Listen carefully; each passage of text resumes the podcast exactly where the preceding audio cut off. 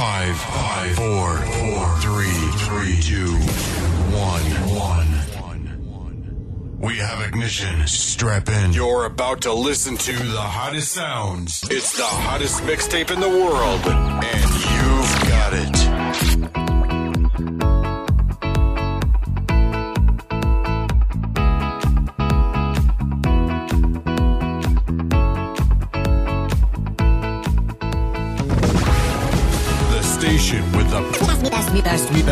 best, best music. Best music. I love the music. Best music.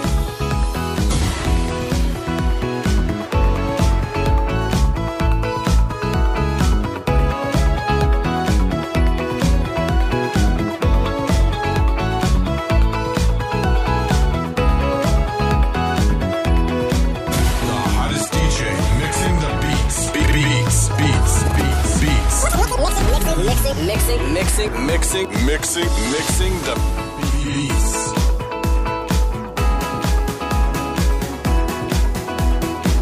We are live. Hari ini topiknya agak sedikit beda. Kenapa?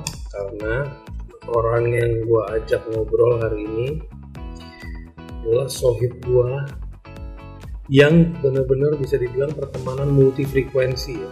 Multi frekuensi itu artinya kita bisa ngomong dari hal yang paling logik into hal yang paling radikal uh, why it's important to have those kind of people around me, around us, because we learn. Dan gue bersyukur uh, sahabat gue hari ini mau sharing bareng gue. Topiknya adalah refreshment buat kita semua lah. Apakah kita sudah mengenali diri kita? Jadi sudahkah kita mengenali diri kita sendiri gitu? Itu. So let me play the music.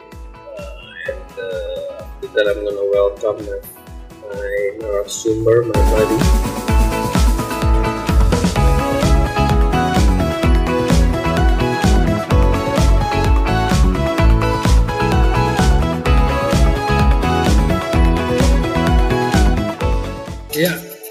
Jadi gue akan welcome Bio Adi Kesuma.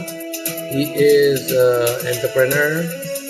He's also a trainer, coach, consultant, author, uh, and he is uh, MSME activist. Welcome, Bro Bio. Bro, Hei, hadir. Assalamualaikum. Waalaikumsalam warahmatullahi wabarakatuh. Apa kabar? Alhamdulillah. Gua tadi malam sih lagi kurang sehat, cuma karena gue janji sama lu, nggak tahu vibrasinya tiba-tiba suddenly, wow. Kak, kalau sama lu selalu tuh vibrasi kita kan saling nguatin bos. Iya, saling saling memantik, memantik. Ah. Habis itu korslet ya. Oke, gimana gimana? How was your week, man? Uh, lu sempat sibuk banget, almost two weeks gue lihat. Terus terakhir ada movement yang lo lagi buat, which is keren banget. Apa namanya? Bantuin UKM, bantu IND UKM. Betul. Itu Iya. bagus banget. Ceritain dong sedikit, bro, tentang uh, lu punya Bio Hadi Kusuma. Itu yayasan, foundation, or consulting, or Oke, eh, jadi eh, biohadikesuma.com ya itu adalah websitenya dari organisasi bisnis kita yang bergerak di bidang tiga sih core bisnis kita. Itu ada Oke. manajemen, ada training dan consulting. Jadi kalau untuk yang manajemen itu kita mulai dari tata kelola eh, apa namanya, mulai dari sosial media, kemudian juga tata kelola lebih banyak tata kelola aset sih. Nah, Hmm. termasuk ketika tahun 2017 kita dipercaya sama salah satu bank eh, bank besar ya BUMN eh, dipercaya untuk mengelola mereka punya aset itu akhirnya jadi namanya Rumah Kreatif Jogja gitu loh. Nah kemudian eh, kalau untuk training sendiri memang lima tahun terakhir sebenarnya bukan lima tahun sih Eh, totalnya kita udah 16 tahun cuma on behalf of nama eh, BHMTC ya itu kita fokus memang di uh, bisnis. Uh, di samping uh, sekarang kita kembali mengaktifkan lagi. Jadi gua tuh dulu dikenal di Jogja itu kan sebagai menterapis, Bro. Iya. Nah, gua males tuh. Gua males tuh kalau misalkan udah ngomong main terapis tiba-tiba ada yang manggil gua motivator kan kayaknya nggak asik banget tuh gitu kan. Hmm. Jadi gua off kan dulu. Nah, kemudian uh, after corona ini kemudian uh, gue dengan BOD yang lain kita diskusi dan itu harus diaktifkan sehingga per 28 Mei kemarin uh, layanan kita untuk uh, training and consulting itu ada untuk para pekerja, kemudian ada untuk kepribadian juga serta untuk bisnis. Nah, Oke. kemudian kalau untuk consulting ya consulting itu masuknya ke ranah ini ya. Selain konsultasi juga terkadang uh, pemerintah, government mereka butuh Hmm. insight dari kita. Jadi kita Hmm. bikinkan semacam konsep sekaligus uh, uh, uh, pelaksananya. Jadi kalau untuk consulting itu sendiri yang sudah jalan ini tahun keempat kita itu dengan kementerian Kementerian Perindustrian. Itu kalau untuk yang biohadikesuma.com. Mau gua lanjutin apa enggak nih? Anjur. Enggak, gue takut nih. Ini ini kita di publik nih ya. Kita kebiasaan kita kan casual ya, men ya. Harus casual bro. Gaya kita gaya casual. Nah, makanya gue lagi liatin menitnya kok. Gue lagi liatin menitnya. Oh ini udah masih masih tujuh menit masih aman. Hajar lagi tiga menit lagi karena kita masuk karena warming up bro. Kita masuk ke sudah kenal sama dirimu itu bukan hal yang mudah. Jadi, nah kemudian tanggal eh, 28 Mei kemarin berbarengan dengan Pak Ganjar ya kita ada kegiatan Hmm. bareng Pak Ganjar Hari Kebangkitan Nasional. Nah, kebetulan Jawa Tengah itu keren banget. Mereka sudah mulai Jogja dan kemudian kita akhirnya menggagas sebuah kegiatan eh, bantuin UKM. Ini sebenarnya eh, penyempurnaan dari kegiatan saat awal corona. Jadi di awal corona itu banyak teman-teman yang DM, Mas Bio keluar dong konsultasi ini segala macam. Gue nggak mau. Kenapa? Karena eh, eh, ya you know lah, today everybody can speak ya about business, but the question is, is it impactful or is it uh, they are the doer gitu kan? Nah jadi gue akhirnya uh, uh, memutuskan ada lima binaan kita yang lagi dalam proses akselerasi. Hmm. Jadi kita sepakati dengan BOD untuk nggak usah keluar dulu, kita tetap ngurusin yang lima. Alhamdulillah yang lima ini, alhamdulillah kemarin kita habis meeting hari Kamis kemarin eh, spektakuler sih kalau gue bilang omset dari 2 jutaan bisa sampai nembus ke angka 20 juta 10 kali lipat gitu kan. Wow. Nah, 10x. Nah, 10x betul. Jadi setelah eh, gua dan tim ngobrol, yuk kita eh, bikin yuk gitu kan. Ntar dulu, masih ntar dulu lagi. Akhirnya kita bikinlah eh, kegiatan membantu menjualkan. Awalnya itu eh, judulnya adalah kegiatan eh, selling online, ya kan. Nah, kemudian gue lihat ada beberapa hal yang harus di-revise.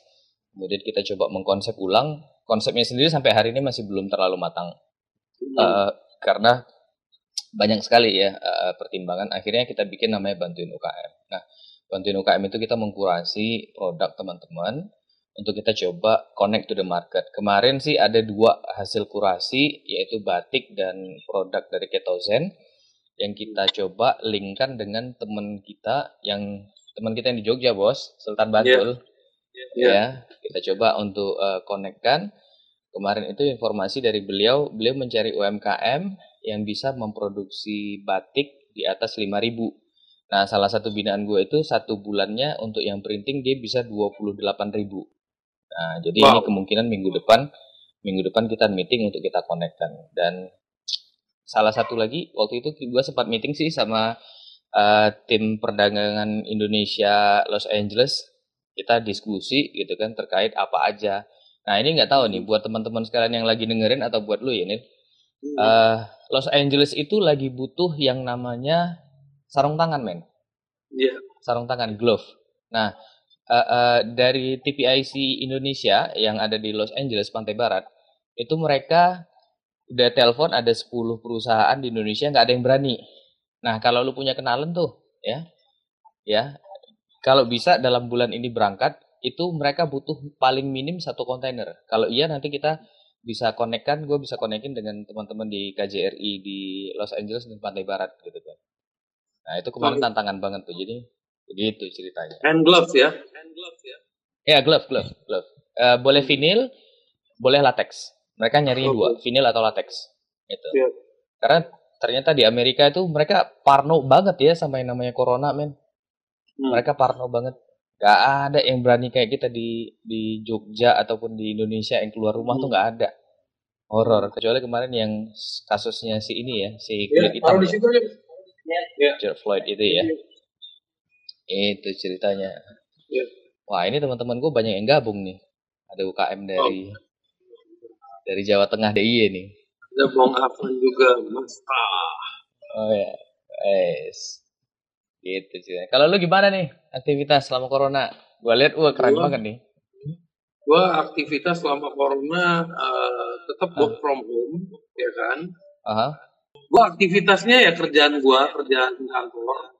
Eh, Mhm, mhm. banyak hal yang gue lakuin eh, tentang refining myself, ya. refinding myself and refining myself. Asik, asik. Lu kayaknya nggak pernah capek ya refining terus ya. Ya refining sih kayaknya penting sih. Tapi kalau seru menurut gua when you go into your Ya, ya. your your so apa journey dalam dalam knowing yourself itu kayaknya that's too much to know, you know, and too less time. Iya. Tapi ntar lama-lama orang kayak kita nih, orang kayak kita nih, lama-lama ntar lu botak kayak gue nih, nyusul nih.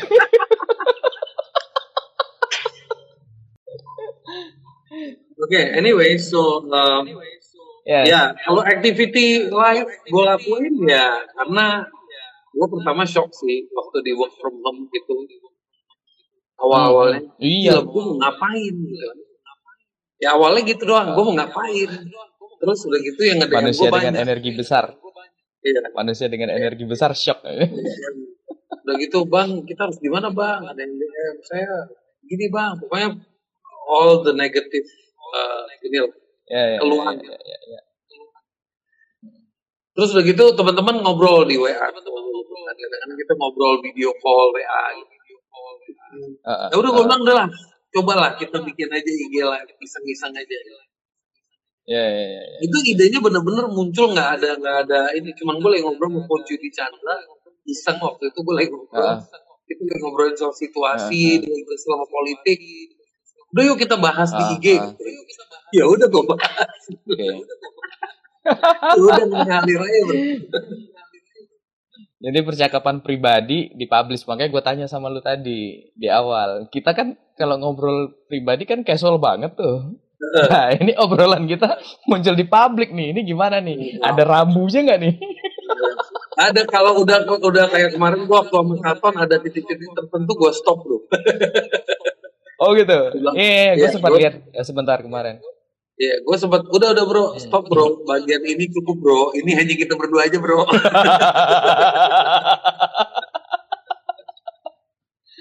Oke oke. Aduh.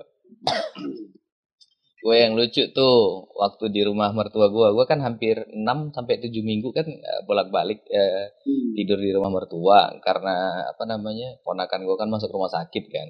Hmm. Ya thanks God sih gue diajarin jadi punya anak gitu karena kita punya eh, planning dengan istri gue kan sekitar November atau Februari besok kita mau adopt kan. Nah, eh gak taunya God give me the way, show me the way.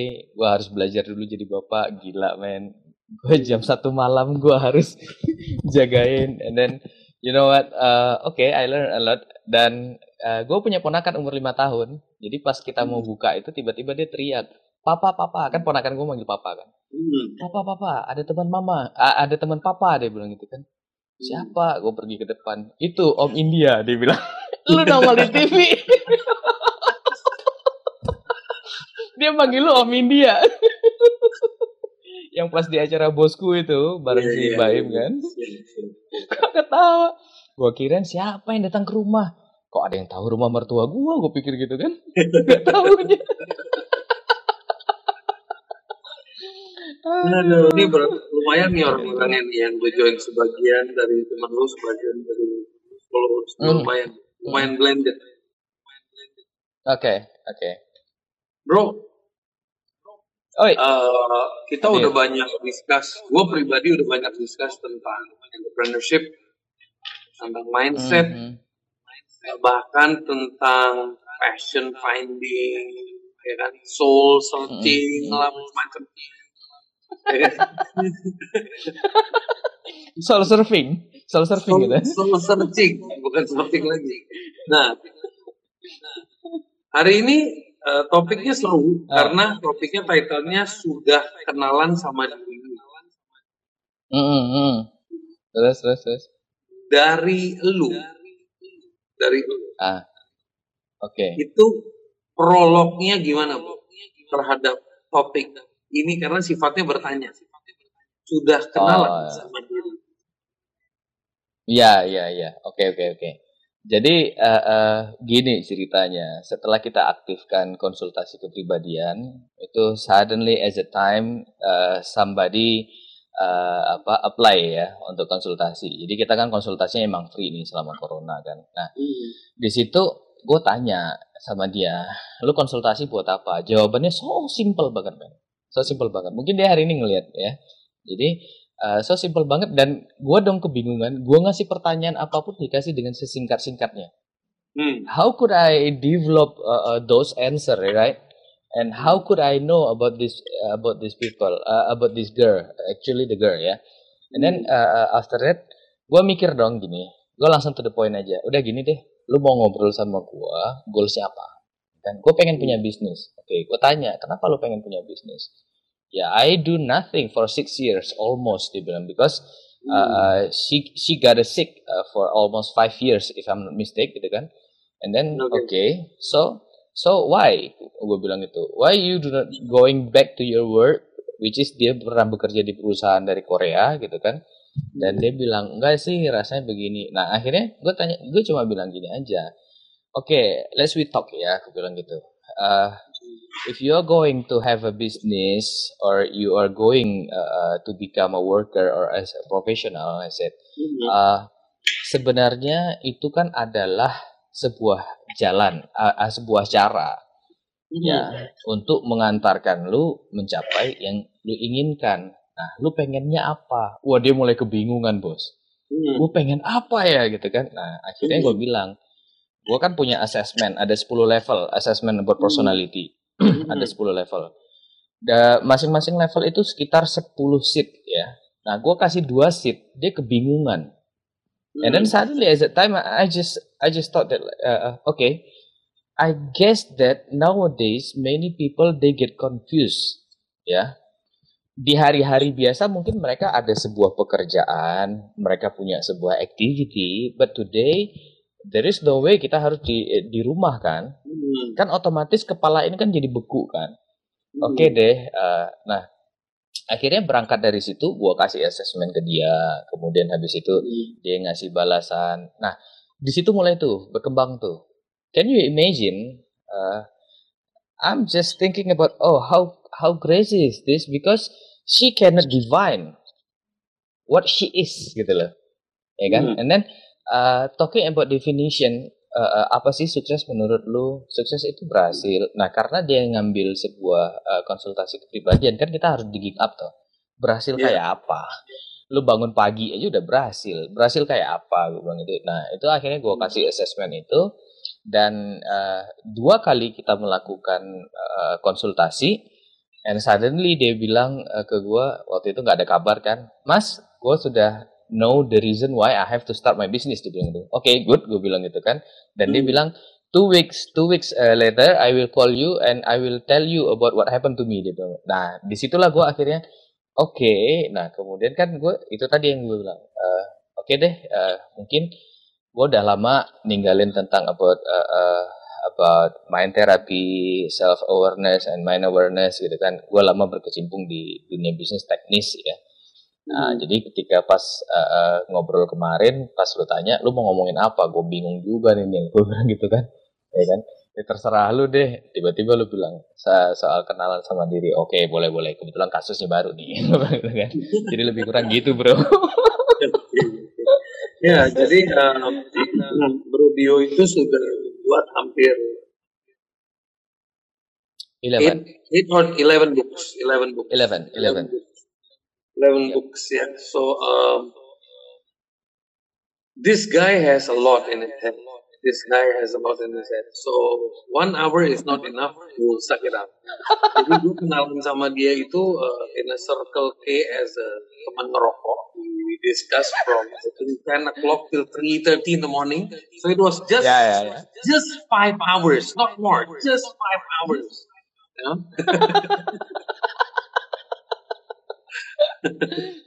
Konyol kalau diingat tuh beneran.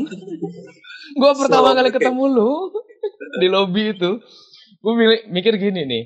Gua kan lupa ya kalau itu acara tiga negara ya. Iya. Kan, kan gue lupa tuh. Gue nyiapin slide pakai bahasa Indonesia dong. Begitu nyampe Heeh. tuh, anjir, banyakan bule men. Gue pikir gitu kan. Lu datang dong.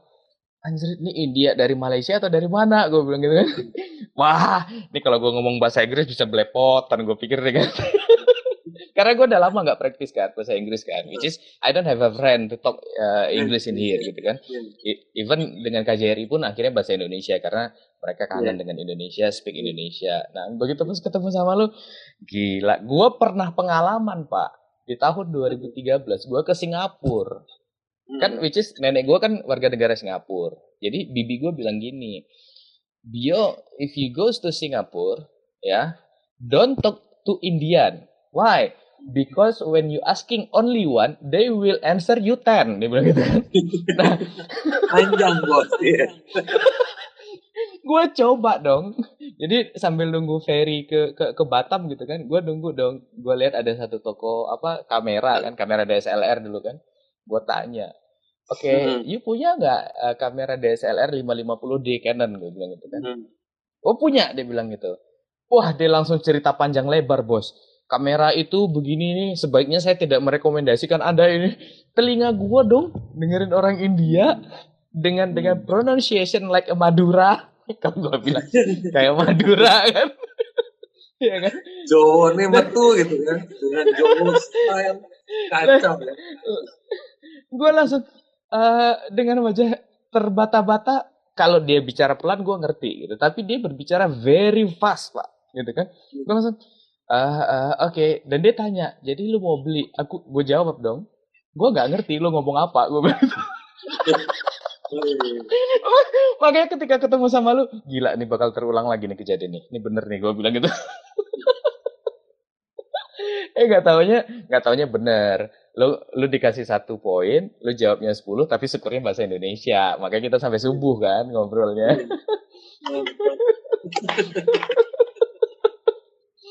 coba kalau lu pakai bahasa Inggris all the time. Wah telinga gue sakit kayak itu tapi lu kan tapi lu udah terbawa gaya pronunciation Indonesia. Nggak nggak nggak sifat ini kan gitu kan. Nah, yang- itu Lilik sih yang kaget, lilik yang kaget. Dia belum Hmm, ke Bombay tapi ngerti kejawen dia stres dia langsung. Iya ya Mas Lili ya. Oh iya lu sama Mas Lili ya pas awal-awal sebelum ketemu gue ya. Benar benar benar benar. Gua minum ya bro. Siap, siap. Oke bro, so kita kalau Hmm. mau masuk ke arah eh, sudah kenalan sama dirimu itu apa sih hal pertama yang perlu kita tanyakan sama diri kita? Atau Eh, ini- how ini- do we kenalan? No, no, let me change the question. Gimana sih cara kita kenalan sama diri kita? Ya, eh, ini ini gue sharing dari pengalaman aja ya. Karena gue kan basicnya kan introvert ya, which is introvert dan gue ke Jogja juga gue buta Jogja, and then sampai di Jogja gue kebingungan what should I do dan segala macam gitu ya. And uh, the journey start when I'm in Jogja actually. Jadi waktu itu gue tanya, can you imagine when when I'm in uh, senior high school, aku itu Hmm. pernah uh, menjadi salah satu kandidat untuk ikut Olimpiade Kimia. Ya Hmm. dan dan mata pelajaran yang yang paling paling uh, tidak menarik bagiku itu fisika. Ya and then when I, I get to uh, in university di Gajah Mada gue masuk di elektro dong. Gue nyantai Hmm. dong. Nggak ada fisikanya gitu. Ketika pas mau ospek pas mau ospek itu gue tanya sama kakak angkatan gue ini kalau gue ngurus administrasi ke mana? Dia bilang fakultas Hmm. fisika gitu. Hmm. dan gue langsung shock saat itu juga. Anjrit jadi ini fisika elektro? Iya. Belajarnya balik lagi fisika murni? Iya dia bilang gitu. Nanti penjurusan baru di belakang bilang gitu. Dan gue hampir tiga bulan gue nggak akhirnya nggak ke kampus. And my mom never know about that my parents never know about that gitu. Oke. ya. Nah nah di saat seperti itu gue kan bingung ya men. Terus gue tanya gini dong. Yuk eh, jadi how to start first is uh, talk to yourself first.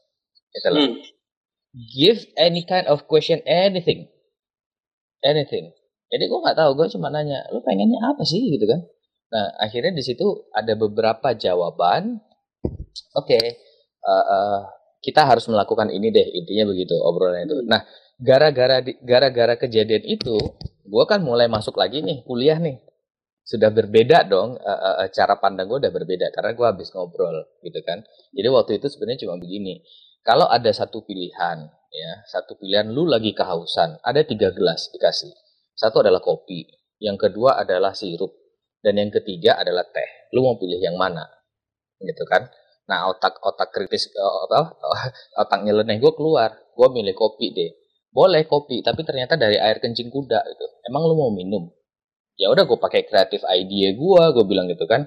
Apa tuh kreatif idenya kreatif idenya adalah gue melakukan destilasi bertingkat dong. Gue anak kimia gue pikir gitu kan. Jadi di saat seperti itu eh, eh, kepa- alam bawah sadar gue nih itu langsung bilang oke berarti artinya apa pun keputusanmu you harus lakukan gitu kan. Ya kan? You harus lakukan selesaikan gitu. Nah I got the advice man I got the advice from my, my myself ya kan Oke, nah di saat itu gue mulai uh, mulai melakukan do something uh, lebih baik uh, in campus.